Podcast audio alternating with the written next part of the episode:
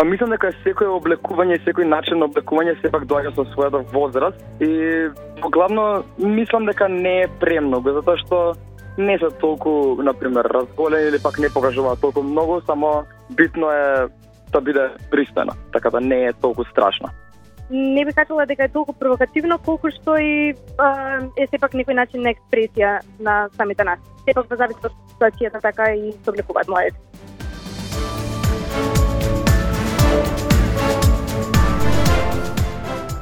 Вака, драги мои, Петар Тодоровски и Илина Трајковска, ученици во гимназијата Орце Николов во Скопје ги коментираат забелешките за модата на младите, односно за вкусот или невкусот како младите се облекуваат за научилиште или се дотеруваат за одредени настани или манифестации, кафулиња, журки и така натаму. Со нас е директорот на гимназијата Орце Николов, господин Митко Димовски. Добар ден, директоре. Добар ден. Добри? Добри, супер работа. Сега, сега ви видов со учениците, вака сходници ги опоменувате дали се во облечени како што треба во тој дрескот. А, имено Петар и Ирина се ваши ученици, тие ни рекоа дека од 1 септември сте вовеле правила на облекување, така наречен дрескот. Така. Зошто и што се предвидува со овие правила? Генерално ние уште во предпочетокот на учебната година на наставнички совет донесовме одлука за овој дрескот, значи да се носат учениците да носат мајчки во боите на училиштето, мајчки и блузони, односно дуксери. Предвидени се во четири бои. Така што идејата беше да ги униформираме со цел многу полесно и за препознавање како наши ученици во училиштето, а и на крај една убава слика за сите оние кои што се дел од нашата школа. Рековте во четири бои, како тоа, од прва до четврта година или? Не, во сите четири години, значи учениците треба да носат мајчки, бели мајчки, бели, бела, сива, виолетова или жолта. Во истите бои треба да бидат и блузоните кои што ќе треба да ги носат веќе во во есенски денови кои што да тој трошок да речем за Па генерално низ годините на кога функционално, кога не функционално беше организиран да речеме овој дрескот, зашто зборувам нефункционално? Затоа што имало доста уште јас пред да бидам директор се сеќавам дека имаше забелешки па зошто джемпери се носат, подобро е да се носи нешто што ќе биде помодерно, што ќе сакаат младите да го носат и дојдовме прво до идеја, односно тогаш е, е, учениците исто така, односно родителите, сами си ги финансираа униформите, истото е и сега, меѓутоа сега им даваме малку повеќе слобода околу изборот на бој. А, значи, главно товарот повторно паѓа на, на родителите, како што било и од секогаш, меѓутоа сега имаат избор. Значи, ако носат бела мајчка, бела мајчка може да купат од 300 па до, не знам, до 1300 денари, така што тоа зависи од семејниот буџет на родителите, со цел да не бидат стрикно врзани дека баш мора да купат од одредена нели фирма. Така што тука малку полиберално настапивме со цел да имаат поголем избор. А добро имало ли до сега проблеми со обликувањето на учениците? Па, како и, што го воведовте? Како и во сите училишта, искрено, младите сакаат да бидат, како да кажем, повеќе односно се носат пократки мајчки кои што нели тоа невкусно изгледа за на час, па и за и додека се училиштето воопшто. Овој дрескот е предвиден за да бидат прво да кажем фино облечени, а, да бидат сите исти. А, идејата е да не се прокламираат а, марки, мода во училиштето, туку да се прокламира нели дисциплина и едноличност на некој начин. А како на дрескодот што го ведовте реагираат учениците? Многу позитивно. Значи, на почеток им дадовме избор, значи до негде десетина дена да може да односно толеранција да може да се обезбедат мајчки, така што веќе првата недела веќе до крајот на првата недела, значи зборувам за почетокот на учебната година, веќе сите беа на некој начин униформирани. А имавте ли некакви реакции од родителите? Не. Не? Напротив, значи реакции во позитивна смисла дека добро е да се воведе вакво нешто, особено ако знаеме што се случуваше нели низ минатото, односно со какви проблеми се соочувавме, нели, со дојавите на бомби, инциденти и така натаму многу полесно може да се идентификува додека доколку некој влезе во училиштето, а не е униформиран.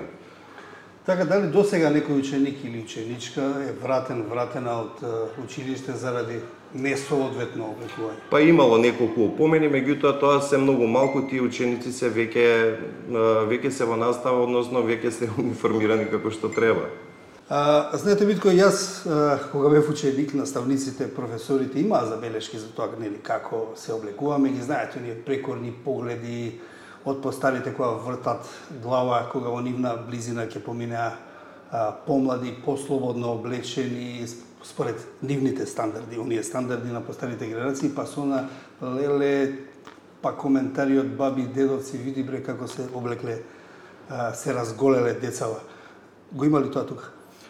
Па тука не би рекол дека го има, особено можеби надвор од, од училиштето. Тоа се уште е присутно кај кај младите и тие реакции кои што ги имаат постарите, меѓутоа генерално со воведување на дрескодот такви работи веќе немаме во училиштето. А ги среќавате, вие сте млад човек, предпоставам на улица или на други манифестации, вашите ученици, дали забележувате тука некакви разлики или вашето е директор само во училиштето, надвор од училиштето, веќе не е ваша грижа? Нормално дека ги среќаваме и надвор од училиштето. Мислите во однос на облекувањето, во однос на да. гардеробата. Па тоа е индивидуално, како да кажем. Едноставно тука веќе се работи на вкус и се работи на тоа што колку, ајде да кажем, од дома ќе им дозволат и како ќе се облечат. Генерално, а, во, учили, во сите училишта би требало да постои правило на и кодекс на, на облекување, кодекс на однесување. Така што сметам дека во секој училиште мора да има а, правила за соодветно облекување. Надвор од училиштето ние сме, нели, да кажам, не сме должни да налагаме кој како ќе се облече, сепак тоа оставаме на на нивните на нивните родители и на самите нив. Иако мислам дека тука имаме доста културни деца кои што мислам дека знаат какво треба соодветно да изгледаат. Дали денешниве наставници и родители се, да речем, по-меки од она што беа нашите пред 30 или 20 на години, има ли разлика во генерациите во, во воспитувањето на децата? Па мислам дека има разлика. Значи, ако зборуваме во изминативе 30 на години, може би и повеќе, дефинитивно некогаш професорите во однос на строгоста биле а, многу поприсутни во, во тој дел. Мислам дека денес а, се а, поблаги во однос на во однос и на однесувањето и во однос на дисциплината, меѓутоа тука е тоа како да кажам, тоа е една мрежа каде што повеќе најверојатно има разбирање и помеѓу родителите и професорите, вклучувајќи ги вклучувајќи ги и учениците.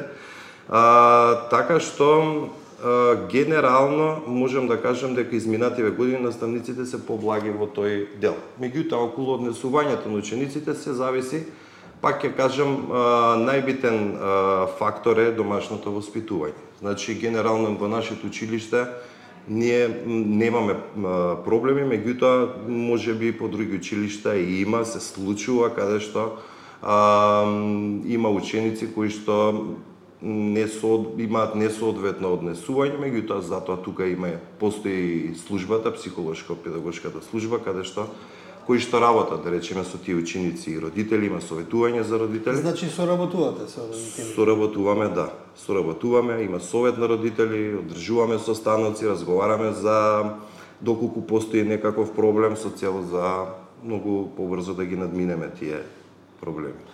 Ви благодарам за разговорот. Благодарам. Тоа беше директорот на гимназијата Орце Николов, Митко Димовски, со кого разговаравме за модата на младите, односно за денешниот стил, вкусот или невкусот, како младите се облекуваат за на училиште или се дотеруваат за, како што велат во Скопје, за искачање во град, кафики, журкање и така натаму.